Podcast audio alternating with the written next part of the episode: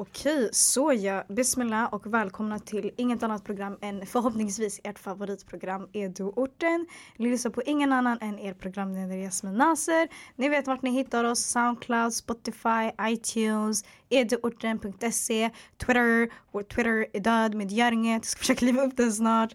Det är helt sjukt eh, när man har kört ett intro ett tag. Alltså det känns som det är en inspelad röst och jag bara lägger in den och gör det på repeat. Det är så många som tror att jag bara lägger in samma röst. Men det är jag, jag spelar om samma intro varje gång och jag kommer alltid ihåg det jag ska säga. Vad Tack så mycket, tack så mycket. Så som ni hör så har jag, är jag ärad över den gästen jag har idag.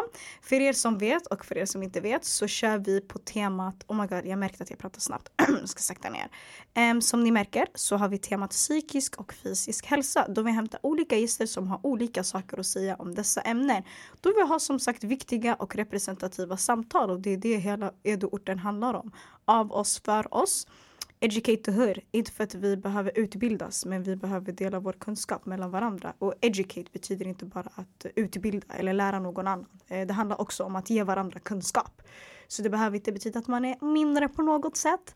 Men yes, so basically så har jag gäst hon har eh, bland annat skrivit ehm, eh, debattartiklar, eller kan man säga krönikor, inte krönikor, oh my God, debattartiklar för SVT, ETC, eh, driver en egen plattform Mitt namn Fiori Sweden eh, och delar sin plattform och pratar om, eh, alltså lyfter upp det här med psykisk hälsa och går in i allt ifrån depression, utmattning, eh, ångest, ehm, har skapat workshops och eh, samtalsgrupper eh, har gäster på sin plattform och så mycket mer. Och jag tänker att hon kan introducera sig själv och sin plattform på ett så mycket bättre sätt.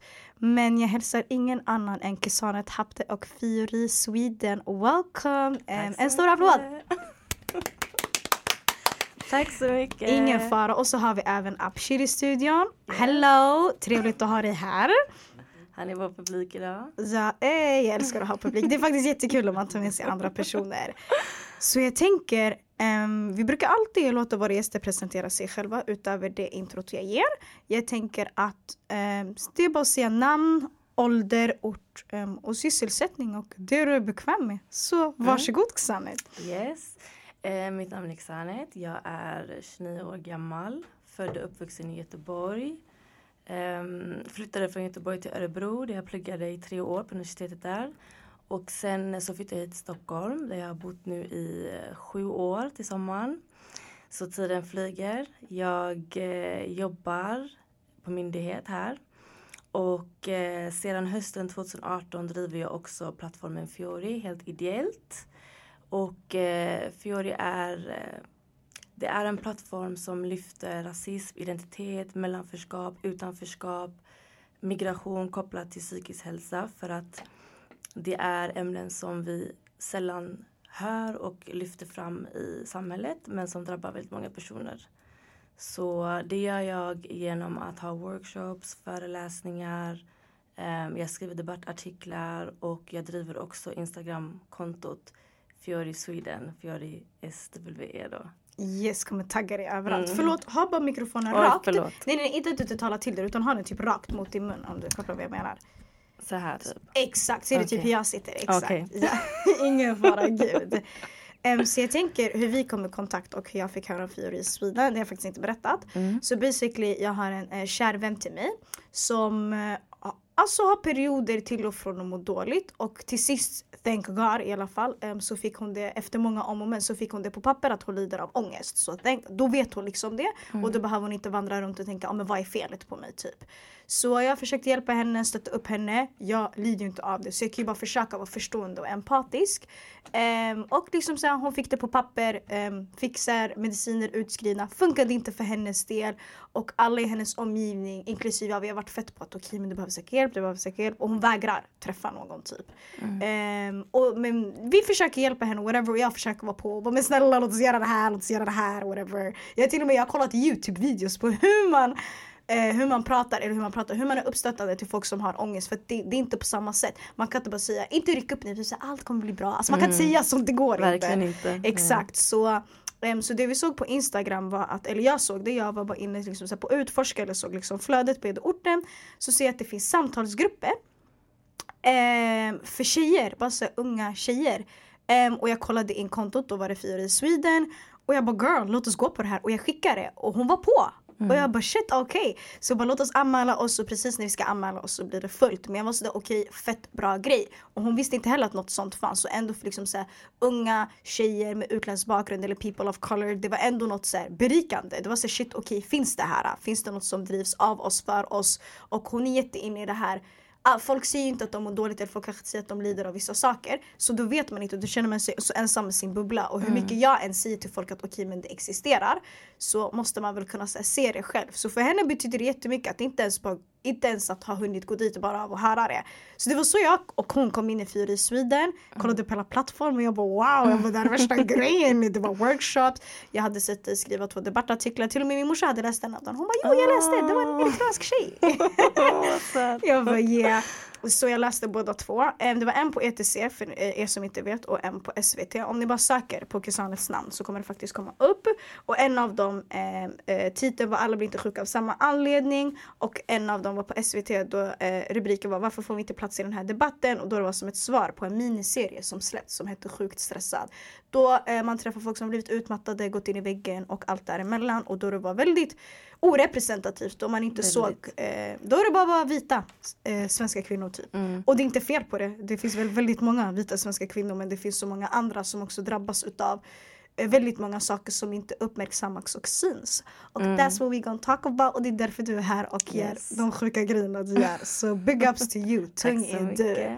Och tack för att jag får komma hit och prata med dig. 100 procent! Ja, det är en jättebra grej. Thank you, thank you, oh my God, jag blir så glad. Ja, och jag har verkligen sett fram emot att komma hit. Så ja. det är jättekul att vi gör det här. Ja faktiskt, det tog lite tid. Alltså. Ja men det är ingen fara. Ja, gud. Jag tänker så här.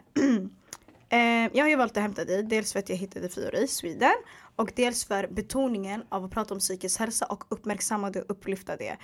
Det känns som om väldigt många att, du använder dig mycket av begreppet people of color. Vi har jättemånga Alltså Sverige, jag vet inte, våra begrepp de håller inte. Men eh, jag brukar säga blattar, jag vet inte, mm, det är inte rätt ord att säga. Men många av oss som har av utländsk bakgrund, eh, det känns som om det finns en fördom som vi har bland varandra. Jag kan inte säga utifrån, jag kan bara säga det, det jag har erfarenheter utav och det jag har känt. Eh, det känns som det, vi har en fördom om att ja, men vi klarar oss men vi kommer från så jobbiga förutsättningar men vi kommer från så jobbiga bakgrunder så saker kommer ändå gå bra liksom. Eh, jag hade, vi försöker köra samtalsgrupper på fritidsgården jag jobbar på och eh, då var det en ungdom som men vet du vad, han bara så våra föräldrar kom från krig, vad ska vi sitta och leka hej vi mår dåligt? Eh, och vi hade en jätteintressant konversation kring det, okej okay, men kan du jämföra din upplevelse med någon annans och så vidare. Eh, mycket typ det här, ja men we made it, men kolla på oss, det går ju ändå bra. Varför, mm. varför, varför ska vi må dåligt? Men vi alla vet ju att så som man mår bra kan man även må dåligt. Så som man kan ha ett psykiskt välbefinnande så kan man också vara i något som inte är psykiskt välbefinnande. Så jag tänker, vad fick dig att vilja starta Fyra i Sweden? För som du sa så har ju du startat det själv, du har mm. grundat det själv och du driver det själv. Vilket är väldigt stort för allt det du gör. Yes. Um... Alltså jag är lite sjuk så att om min röst inte håller om jag börjar hosta, jag ber om ursäkt för det. Inga fara Men eh, jag startade eh, Fiori hösten 2018 efter att jag eh, själv fått diagnosen utmattningssyndrom. Så att jag var hemma, jag hade blivit sjukskriven och eh, när du väl har gått in i väggen, det är inte så mycket du kan göra förutom att bara vara hemma helt enkelt. För din kropp lägger ju av. Så um, jag minns att jag eh, satt och jag försökte få det att funka själv men jag tänkte att jag måste verkligen få prata, ventilera med personer som um, har gått igenom samma sak eller går igenom samma sak. Bara för att få motivation, tips. Hur kan jag göra? Hur ska jag navigera i det här? Hur ska jag, um, vad ska jag göra för att må bättre? Så att jag uh, blev medlem i olika grupper på Facebook. Och um, jag minns att det var bra grupper men det var jättevitt. Och uh, Um, jag kunde inte relatera, jag kunde inte känna igen mig i, i deras problematik. Så jag bestämde mig för att leta på. Jag tänkte jag måste hitta någon för tjejer som jag. Men jag eh, hittade ingen. Så jag kommer ihåg att jag satt hemma och eh, jag pratade med min syster om det här och jag bara hur kan det inte finnas? Hur kan inte vi ha ett rum där vi kan få prata om de här sakerna och bara, vänta, alltså bara eh, få hjälp och, hjälp och stöd från varandra. Eh, så jag satt där och så tänkte jag, okej okay, men om jag vill ha en sån här plattform så kan jag inte vänta på att andra ska skapa den. Så jag bestämde mig då att skapa den själv. Och det var för att jag, jag tyckte inte att det fanns någon representation och jag tycker att psykisk hälsa är ett väldigt debatterat ämne idag men jag tycker att det är på villkor. Och 100%. alla får inte plats. Och jag kan inte känna igen mig i debatten. Jag, kan, jag har också träffat många, många människor som inte heller känner igen sig. Så vi kan inte heller vänta på att eh, andra människor ska skapa våra forum. Vi måste kunna göra det själva. Så det var därför jag gjorde det. Och det var väldigt nervöst för det är ett väldigt, det är ett ämne som är väldigt känsligt. Det är Jätte. väldigt, alltså attityden är väldigt um, Ja, den är, den är väldigt, eh, det är väldigt känsligt att prata om psykisk hälsa och många har attityden att det är som du säger tacksamhet, vi har ingenting att må dåligt över och så vidare och så vidare. Så det var lite nervöst från början men eh, jag kände att hittar jag en, två personer som känner som jag så har vi i alla fall varandra. Så det var, sen har ju alltså responsen och hur människor har ehm, eh, hur, responsen på det här har ju varit väldigt, väldigt bra. Eh, så jag känner ju att det är en bra grej jag gör. 100 procent, det gör det. Uh. Men jag tänker bara för folk som inte vet eller för folk som inte är bekanta med det. Vad innebär att gå in i väggen? Innebär det att liksom man blir utmattad då? Ja, alltså jag visste inte heller vad det innebar innan men det är när du har, din hjärna behöver återhämtning. Återhämtning innebär till exempel att du vilar, tränar, att du varvar ner, inte att du sitter och kollar på tv för att Många har ju det här att när man vilar så kollar man på tv men när mm. du kollar på tv så jobbar din hjärna. Så det innebär att du ska typ gå ut i naturen, kanske målar, whatever. Eh, och har du haft en period där du har varit väldigt, väldigt stressad och inte haft tid för återhämtning så kan du gå in i väggen. Det innebär att din kropp har varit så stressad att den till slut lägger av, hjärnan lägger av. Och då får du alla symptom som ångest, du blir trött, du blir du irriterad, du tappar koncentrationen, minnesförlust. Det är så mycket olika saker. Panik, ångest. Och då får du allting på en och samma gång. Och då måste du bli sjukskriven. Du kan inte göra någonting. Eh, hur länge var du sjukskriven? Eh, tio månader. Så det var ändå ett tag? Ja, det var ett tag. Eh, jag tänker så här. Um, vad är det första du kommer att tänka på när du hör ordet och begreppet psykisk hälsa? Mm, det är en jättebra fråga. Jag tänker eh, välmående och sjukdom. För att välmående, alltså det är den mentala hälsan. Du måste ju förebygga. Det handlar inte heller bara om att ja, men få liksom sjukdomar utan det är också att eh, självkänsla, hur du ser på dig själv. Det är mycket den mentala biten. Och sen sjukdom är ju då, ja, men du kan ju ha depression, du kan ha utmattning, du kan lida av ångest och det är ju sjukdomar. Så det, jag ser det som välmående och sjukdom. Skulle jag säga när var första gången du kom i kontakt med att höra talas om eh, det här med att prata om psykisk hälsa? Eh, din första upplevelse av att förstå, okej okay, det finns lite mer än att bara må dåligt eller må bra. Mer att det var typ så här ett tillstånd. För det är ju någon gång, eh, typ så jag nämnde i något avsnitt att det är någon gång du har din första upplevelse, din första realization av att men oh my god, min mentala bit är ganska viktig att ta hand om. Eller typ så, ah, okej okay, men det finns något som heter psykiskt, eh, eller det finns någonting som är att man inte mår psykiskt bra. Det är inte bara att du har en dålig dag och sen går vidare. Så när var första gången eh, du märkte så okej, okay, this exists? Alltså jag tror jag har tänkt på det i flera år men jag har inte förstått vad det faktiskt gör. Vad, vilken skada det faktiskt gör när du, om du verkligen inte faktiskt tar det på allvar. För jag minns att jag gick på föreläsningar på jobbet till exempel. Där de pratade om stress. Det var en man som pratade om stress. Och jag kommer ihåg att jag kände igen mig mycket av det han sa. Men sen så tänkte jag nej det här kommer inte hända mig. Det händer bara alla andra men det händer inte mig. Så där borde jag egentligen tagit det på allvar. Men min inställning var att nej det, det är ingenting som händer mig. Eh, och sen så tror jag att när allt det här har hänt mig nu när jag har gått igenom allt det här så är jag väldigt, väldigt uppmärksammad, uppmärksam på just psykisk hälsa och jag säger också det till folk i min omgivning. Hallå, ta hand om dig själv. Hallå, stressa inte upp för du glömmer bort det. Och har du inte, har du inte varit drabbad av det så tror jag att det är väldigt svårt att se all, allvaret och vad för skada det faktiskt gör. Tror jag. För att eh, jag kan ju säga om jag har en person i min närhet som säger att han har mycket, eller hon har mycket att göra och jag säger men hallå, ta det lugnt nu. De förstår inte varför ska jag ta lugnt, jag bara köra på. Men nej, det, är en, det skadar dig i längden. Så jag tror också att vi lever i ett samhälle där vi hela tiden måste prestera, prestera och vi ska hela tiden vara uppkopplade, vi ska hela tiden göra saker och jämföra oss.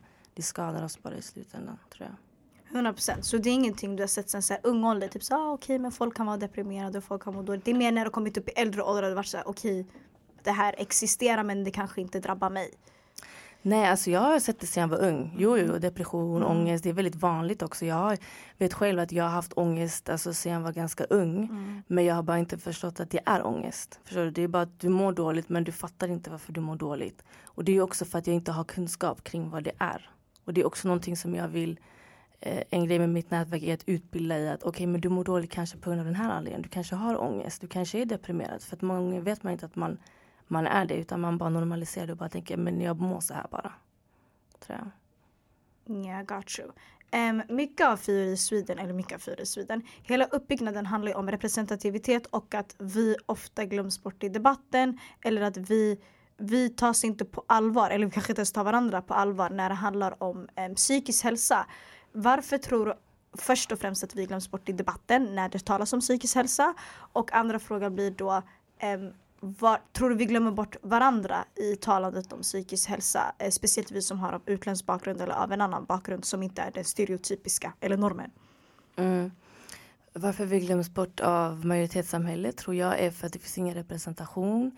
Eh, vi ser till exempel om du kollar på eh, alltså, i olika debatter eller vad, vad, som helst. Det är alltid samma typer av människor och jag tror att om du inte har representation så kan du inte heller få höra de här historierna, du kan inte få höra de här berättelserna som många bär på och de här perspektiven.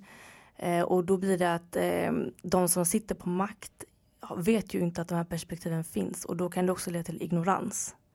Så det är ju någonting som jag jobbar med. Jag jobbar ju för att jag vill att majoritetssamhället ska se att vi finns också. Och sen inom vår egen grupp så handlar det om stigmatisering. Det är skam, det är Um, man känner sig väldigt, väldigt ensam och man kan inte prata om. Det är väldigt svårt att prata om någonting som din omgivning inte exist, eh, bekräftar existerar. Det är jätte, jättesvårt att göra det. När du inte har någon som faktiskt kan säga till jo, det här existerar, det här finns. Jättesvårt. Ja, I get it, I get it. Um, jag tänker varför, eller varför och varför. Gud, oh my God, jag tappade bort mig själv. Jag tänker, du har skapat en plattform för mm. andra. Um, och då är fokuset på uh, folk som har av utländsk bakgrund. Tror du vi behöver varandra i debatten mer än vad vi behöver representativitet i den större debatten om man säger så? Mm. För du skapade ju ändå det för att du ville ändå se att okej okay, men det finns bara typ så att du hjälper två, tre personer eller bara att du känner igen det eller kan samtala med två, tre personer mm. som du kan representeras i så that's enough och det har mm. blivit något så mycket större. Mm. För att när jag startade här, ja, det, det kände jag bara det får bära eller brista. Så antingen så är vi några stycken eller så är det bara jag och två. Men sen har min inställning också varit att, varit att jag flödar i det. Så jag låter det bara växa till, till det, det det behövs växas till. Och eh, genom året så har jag, först var det ju, handlade det ju bara om utmattning. Sen har det ju växt, jag har ju fått, haft jättemycket tid att tänka själv. Tänk, tänk liksom identitet, tänkt mitt mellanförskap. Jag har tänkt på så mycket olika saker som jag sen har alltså jag har lagt det på nätverket för att jag ser att det behövs. Så att eh, det växer ju av sig själv lite. Och jag känner att det är bra så, det får göra det. Och sen vet jag inte heller vart jag är om ett år. Liksom hur, hur stort det blir eller vilka perspektiv jag lägger in. Eh, ja. Så det, ja, det är väldigt, eh, väldigt fint. Ja, för det är ändå snart, du är inne i ditt andra år så det har ändå gått väldigt fort. Ja, ja, det vad är det nu? Ett, ja, andra år är det. Ja, så det, och sen så har jag ju liksom, jag tänker mycket på min egen identitet och min bakgrund. Och till exempel, jag har ju föräldrar som har flytt krig från Eritrea. Så då har jag reflekterat över, okej, okay, hur har deras mående påverkat dem? När vi växte upp, vi satt inte och tänkte på hur de mådde. De berättar aldrig hur de mådde, men det har ju såklart påverkat oss. Jag har suttit och tänkt så jättemycket, haft så mycket samtal med mina föräldrar och sen har jag tänkt att, men gud, det här är också en grupp som man glömmer bort. Jättemycket. Ja, och deras berättelser och deras historier, vi måste kunna prata om dem och vi måste kunna typ eh, mötas någonstans i mitten, vi som är födda här och de som är födda där. Så ja, så det, ja, och sen mellanförskap, du vet vi lever ändå i två, vi lever med två kulturer, ett samhälle.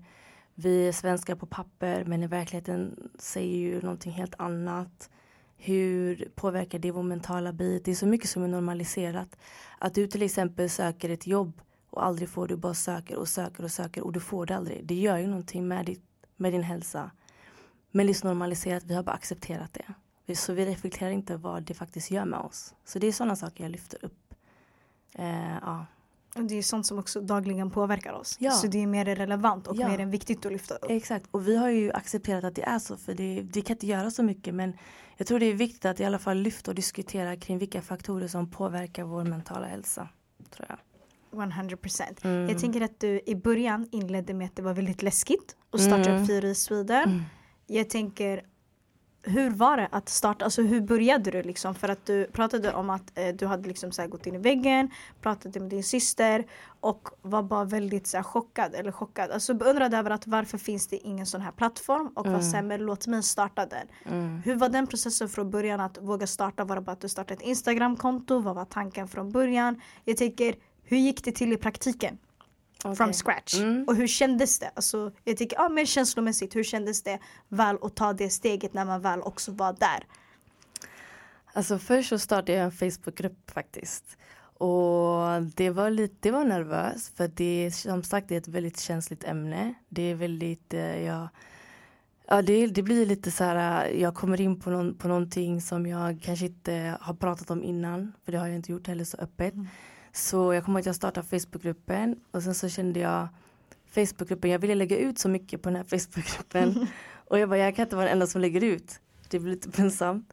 Så då startade jag Instagramkonto för där har jag ju själv, eh, där bestämmer jag själv vad jag vill lägga ut och jag kan lägga ut egentligen hur mycket jag vill.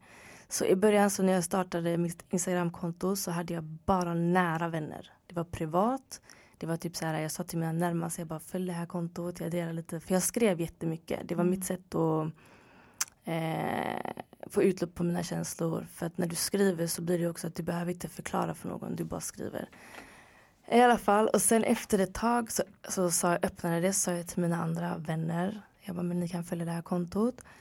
Um, och sen så tror jag att det växer, jag blev mer bekväm i att faktiskt låta vem som helst följa det. Så att det var inte att jag startat Instagramkonto och sen bara här ni alla får Bam. följa. Nej nej nej, så var det inte.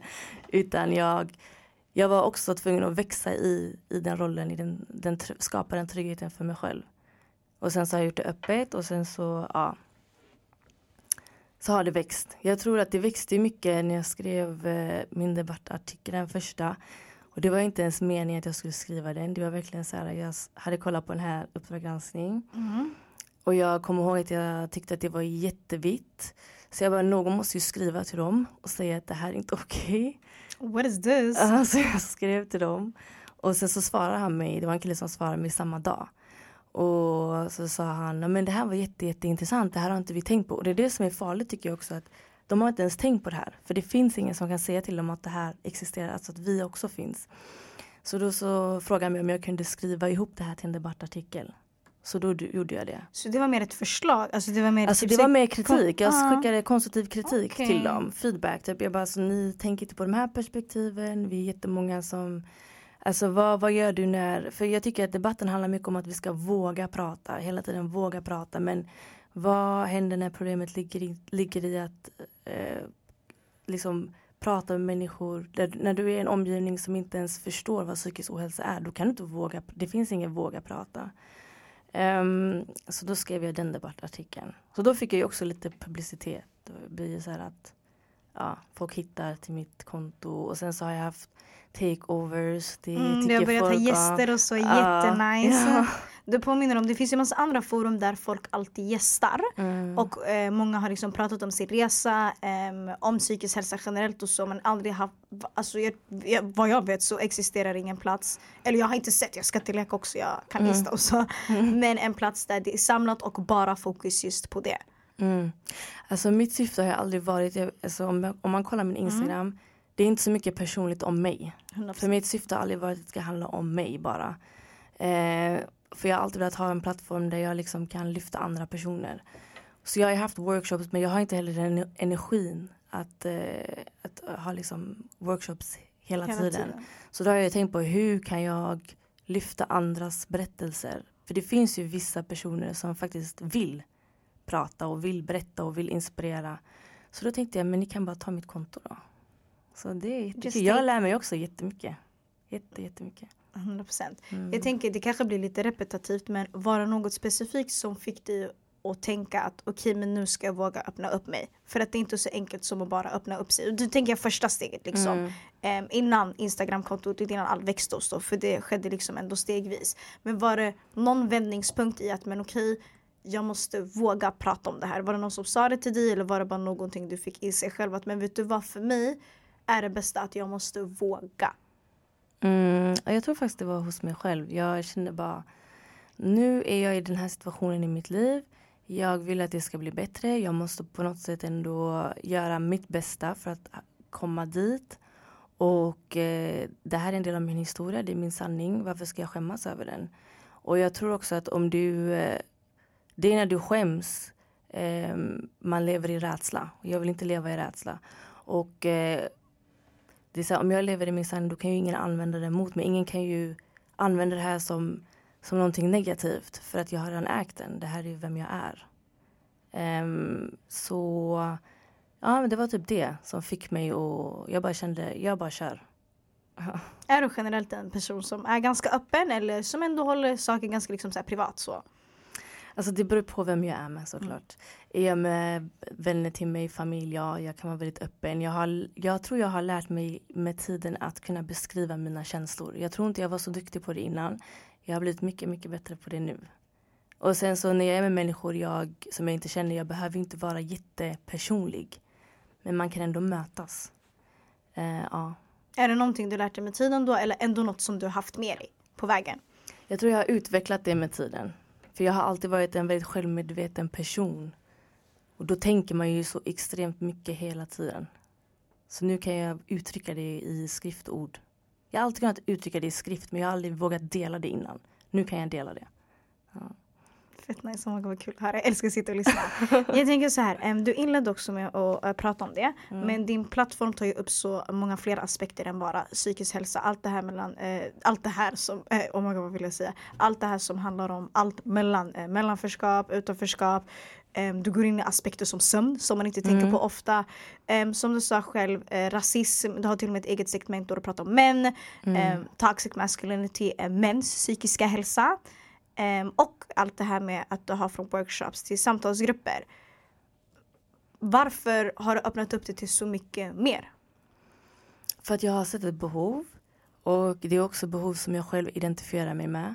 Um, jag menar till exempel jag minns att först hade jag ju, mitt konto var ju bara för kvinnor först. Mm. Och det var jättemånga som jag träffade män då som frågade mig varför har du inte för män? Varför har, skapar du inte någonting för män? Och jag var såhär, nej men ni kan bara ta min idé och gör, du vet, gör er grej för jag har inte jag kan ju inte säga till er hur ni ska må. Uh, men sen nu har jag ju ändrat mig lite. Jag har ju ändrat mig helt mm. och jag mm. känner att om jag kan, varför inte? Så nu har jag ju att det är både för kvinnor och män.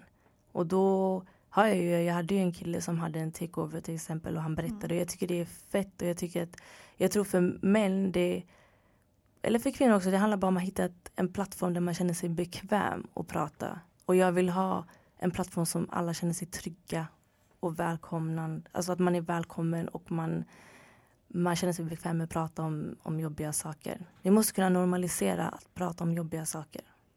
Ja. 100% och du mm. startar ju alltid från en själv och sen så mm. kan man mm. liksom ta det längre ut. Precis. Ni, en på tal om män, mina tidigare gäster, eh, när jag berättade att jag skulle hämta dig så hade de ju hört om dig och några mm. hade liksom så här, sett dig och lyssnat och varit sådär oh my god, det var verkligen bra. Um, så jag tror fastän vi alla eh, är av olika kön eller kommer från olika bakgrunder. Det finns så mycket att kunna känna igen mm. sig i ändå. Precis. Och jag tror i början var jag såhär, nej jag kan inte. Hur ska jag kunna representera en man? Det går ju inte. Men jag har mm. lärt mig att jag kanske inte kan representera en man men jag kan skapa ett forum där han kan, kan få berätta sin historia. Så ja, jag utvecklar sig själv jättemycket också. I det här. Ja. Uh. Um, jag vill bara betona um, för er som inte vet eller om man inte kopplar det. Det här är ju ingenting du driver på heltid utan du har ett jobb, ett heltidsjobb mm. vid sidan om och ja. det här är någonting du gör utanför det. Jag tycker först och främst um, hur får du reda på all information? Alltså det är ändå väldigt mycket kunskap man behöver ha. Mm. Så hur har du lärt dig allting? Är du liksom så självlärd eller är det någonting så här, har du suttit och läst på det efter att liksom du gått igenom det själv? Mm. Och vart får du liksom viljan, kraften och energin att driva det vidare? För det är ju tidskrävande och energikrävande. Ja. Eh, alltså det började faktiskt med att jag eh, träffade en, eh, en psykolog Och så frågade han mig, ja men hur mår du idag Sanet? Hur har din vecka varit? Och jag bara, nej jag har lite tryck i bröstet. Och då frågade jag mig, men vad tror du att det är? Jag bara, jag tror att det är ångest. Men jag visste egentligen inte vad jag bara sa någonting. Och han bara, okej okay, men eh, vad är ångest för någonting? Och jag kommer ihåg, jag satt där och jag bara, jag har ingen aning faktiskt vad det är. Det är ju bara någonting du slänger ur dig, jag har ångest, jag har ångest. Och så förklarade han för mig vad ångest var och då så minns jag att jag bara, jag måste förstå allting som händer i min kropp. Jag kan inte bara ha en diagnos och inte förstå vad det faktiskt innebär att ha det och vad det faktiskt gör med kroppen. Eh, så då började jag läsa på jättemycket. Jag har läst, jag var ju sjukskriven i tio månader så jag var ju mm. hemma och jag satt och läste och läste och läste. Och sen så tänkte jag den här informationen, jag sammanställde den och jag bara jag kan dela det här till andra personer för jag vet att många har inte den här informationen, många vet inte det här.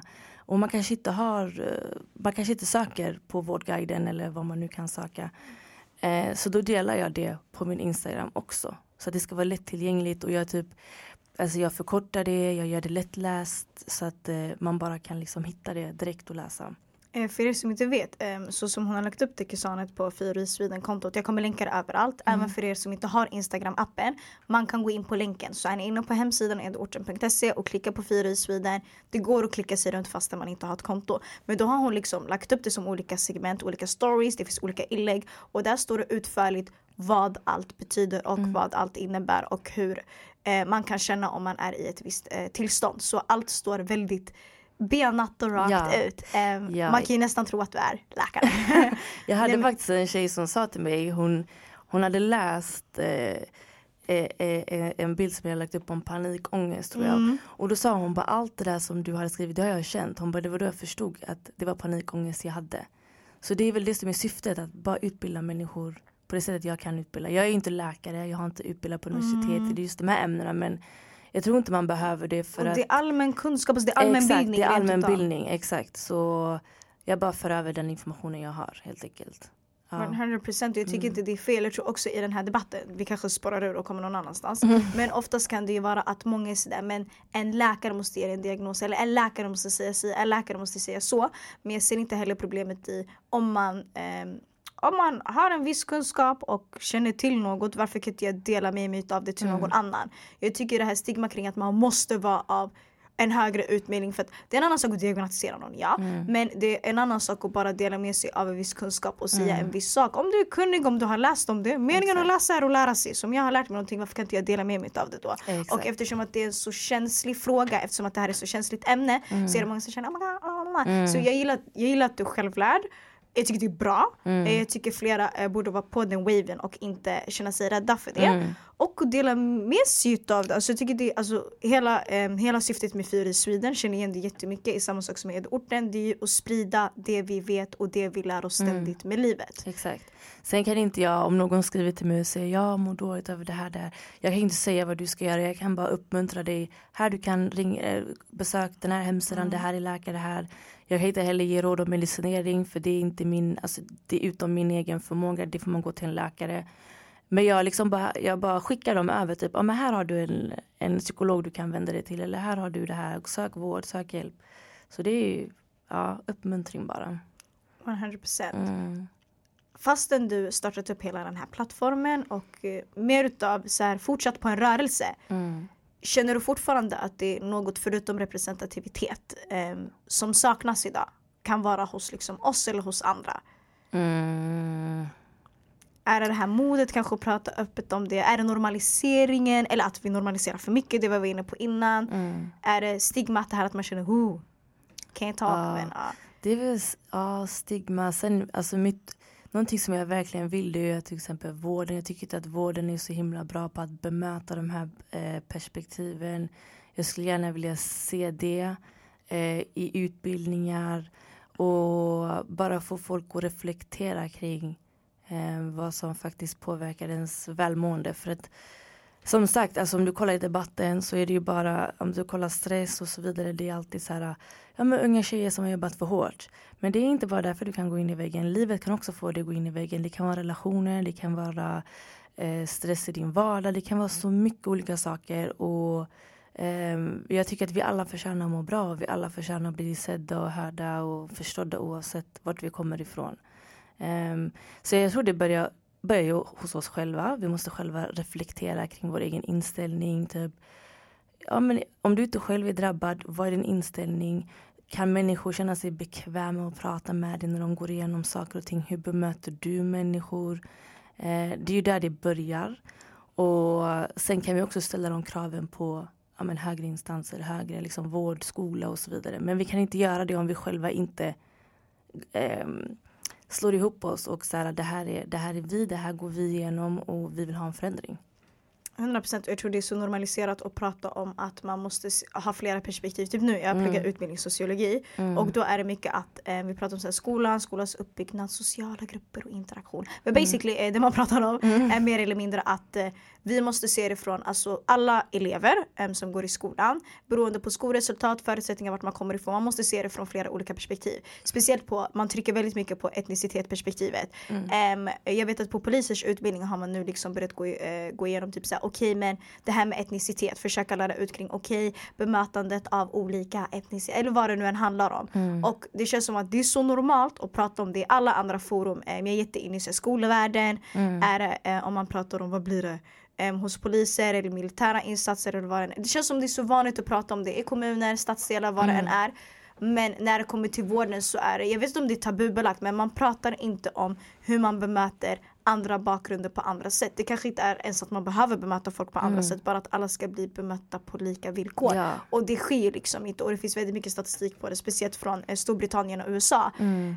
Um, till exempel att man som en svart person eller uh, har av en utländsk bakgrund eller ett utländskt påbrå som inte mm. är västerländskt, att man kommer um, mindre, om man kan bara engelska. Men eh, att man inte kommer bli eh, bemött lika snabbt, man kommer ja. inte få hjälp lika snabbt.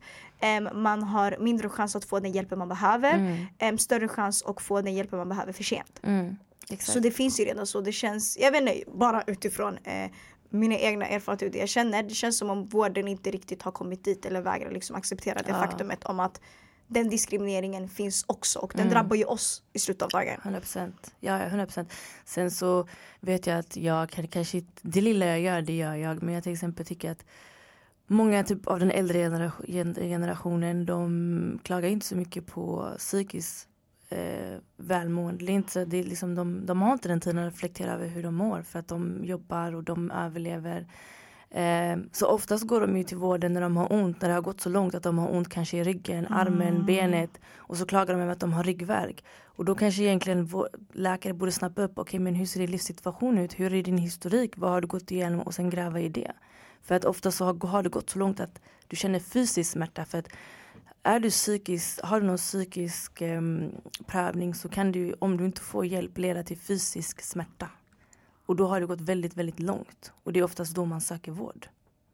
För det är mer accepterat att söka vård för fysisk smärta än psykisk. Och psykisk smärta är inte heller något så påtagligt, alltså det är inget som syns. Det är inget eh, du kan peta på. Så jag kan inte peta på en arm och bara yeah, jag mår dåligt i huvudet. Typ så. Och det är heller att du säger att det är mer accepterat att säga men gud jag har så ont i ryggen än att säga ja jag känner mig deprimerad. Det är liksom, det är inte lika skambelagt. Så det tycker jag att vården borde Jag tycker inte de har någon utbildning. Alltså det känns inte utbildning men det känns inte som att de har någon. Jag tror inte det perspektivet finns. Det perspektivet finns inte överhuvudtaget. Överhuvudtaget. Vilket jag tycker är jättetråkigt för att vi har haft människor som har invandrat i flera, flera år nu. Och jag tycker att det borde ha kommit lite längre än så. 100% 100%. Jag mm. tänker, vi har redan lite varit inne på det.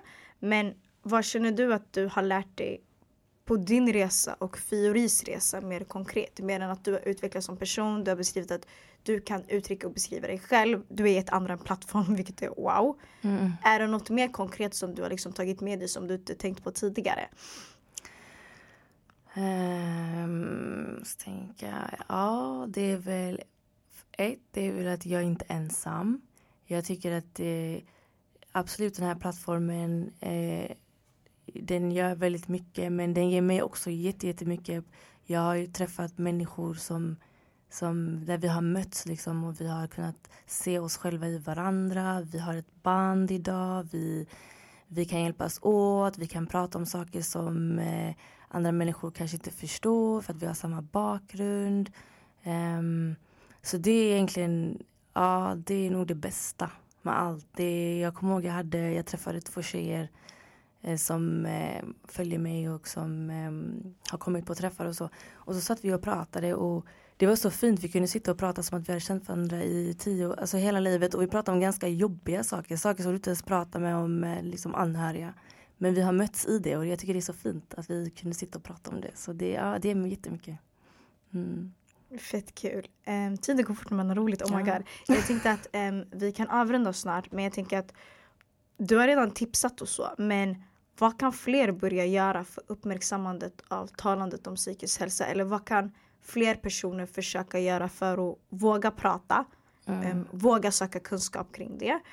Um, ja, mest och våga prata om det och våga uppmärksamma det. För det börjar ju från en själv. Mm. Um, kanske inte handlar om att man själv är i ett visst psykiskt tillstånd. Men kanske som jag nämnde tidigare inledde det här avsnittet med att hjälpa, uh, hjälpa en person. Alltså hjälpa en anhörig, mm. hjälpa någon i ens närhet. Hur vågar man ta det steget från att komma från en värld då det inte är någonting man känner igen sig i. Då man tänker men nej jag kommer inte hamna där. Eller nej ingen i min närhet kommer hamna där eller har hamnat där liksom. Mm. Då man kommer från ignorans mer eller mindre och vi har ju också gått igenom att mycket handlar om att man inte har kunskap. Mm. Eh, jag skulle säga att eh, psykisk alltså hälsa och ohälsa det diskriminerar ingen människa. Ingen absolut. Så det innebär att du kan bli drabbad. Vissa kanske är känsligare för det men ingen är immun. Så jag tror allting handlar om eh, först och främst din egen inställning.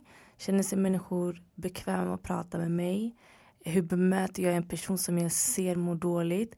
För ibland så kan du se att en person är stressad eller mår dåligt men du bara viftar bort det kanske för att du Ja men du tänker alla mår dåligt men vi har egentligen bara varandra så hur bemöter du människor? Um, hur mår du själv? Fråga dig själv hur du mår själv. När du eh, känner att du har en jobbig period, det är okej okay att ha en jobbig period. Du behöver inte trycka undan det. Låt dig själv ha en jobbig period och sen så må bra, ta hand om dig själv och se till att din närhet också, de i din närhet också mår bra på det sättet. Jag tror inte vi behöver göra sådär jättemycket egentligen. Vi behöver bara vara mottagliga och visa varandra kärlek. Eh, för att eh, anledningen till att människor inte vågar prata eller inte vågar be om hjälp det är för att man skäms. Och varför skäms man? Det är för att man, man tänker vad ska min omgivning säga? Men om din omgivning är bara kärlek så kommer du kunna våga be om hjälp. Tror jag. Och då kommer de också våga ta emot det fast de kanske det. inte vet hur de ska Exakt, ta emot det. Ja. Många kanske är rädda över att de inte vet hur de ska hantera det. Mm. Men då är det så okej okay, den dagen kommer komma. Du kanske inte lyckas första gången, du mm. kanske inte lyckas andra gången men efter några gånger så kanske man förstår okej okay, jag tror man ska svara så här eller jag tror att man ska kolla. Mm. Ja, var så här. Eller också fråga typ så okej okay, men hur vill du att jag, eller jag, jag brukar säga så i alla fall, I don't know if you can say that. Men jag brukar säga okej okay, men hur vill du att jag bemöter dig på bästa sätt? Eller okej okay, tyckte du det jag gjorde var bra nu? Mm. Eh, Exakt. För många gånger du vet när man, eh, ja, man kanske vill prata av sig då är det inte för att man vill ha en lösning, man vill bara prata av sig och då är det okej, okay. kan du kan bara få prata av det, jag behöver inte hitta en lösning på ditt problem för att när vi till exempel bryr oss om människor så vill vi oftast ha, hitta en lösning snabbt på problemet men det är inte alla gånger det funkar för att ibland vill du bara ha någon som du sitter med tyst och vi kan bara vara i det. 100 procent och då måste man också lära sig hur man är en aktiv lyssnare. Mm, exakt. Eh, ja, och det, det tror jag man lär sig med tiden. Ja, ja. Det är man, man lär sig med tiden. Jag är inte fullärd alls. Jag Ingen är det. Nej jag tror ingen människa är det för sin typ. Jag vet inte om man är fullärd eh, när man dör men jag tror, eller när man blir äldre. Mm. Men jag tror man alltid växer med tiden. Så jag tror man får försöka se det från fler perspektiv också vilken mm. typ av person man än är. Um, om man har gått igenom, eh, gått igenom någonting. Om man har känt att man mår dåligt eller om man inte har känt att man mår dåligt. Um, mm. Det kan väl också handla om att många är inte vana med att uttrycka sina känslor även om det handlar om bra känslor. Typ såhär, okej okay, jag mår jättebra, jag är mm. jätteglad. Hur uttrycker jag mig? Exakt. Hur tas det emot? Exakt. För det är också någonting som man kanske inte lika ofta pratar om. Kanske för att det inte är lika mm. stort av ett problem. 'Cause if you're happy, alltså, nu kommer vi lösa det på mm. något sätt. Men eh, MVG, jag tycker det lät jättefint. Oh, um, är det några final tips you got? Oj. Um... Det är en jättestor fråga för att jag gillar att kasta sig stora frågor. Men typ så här, är det något sista ord eller är det någonting du alltid brukar påminna om eller som du trycker lite extra på?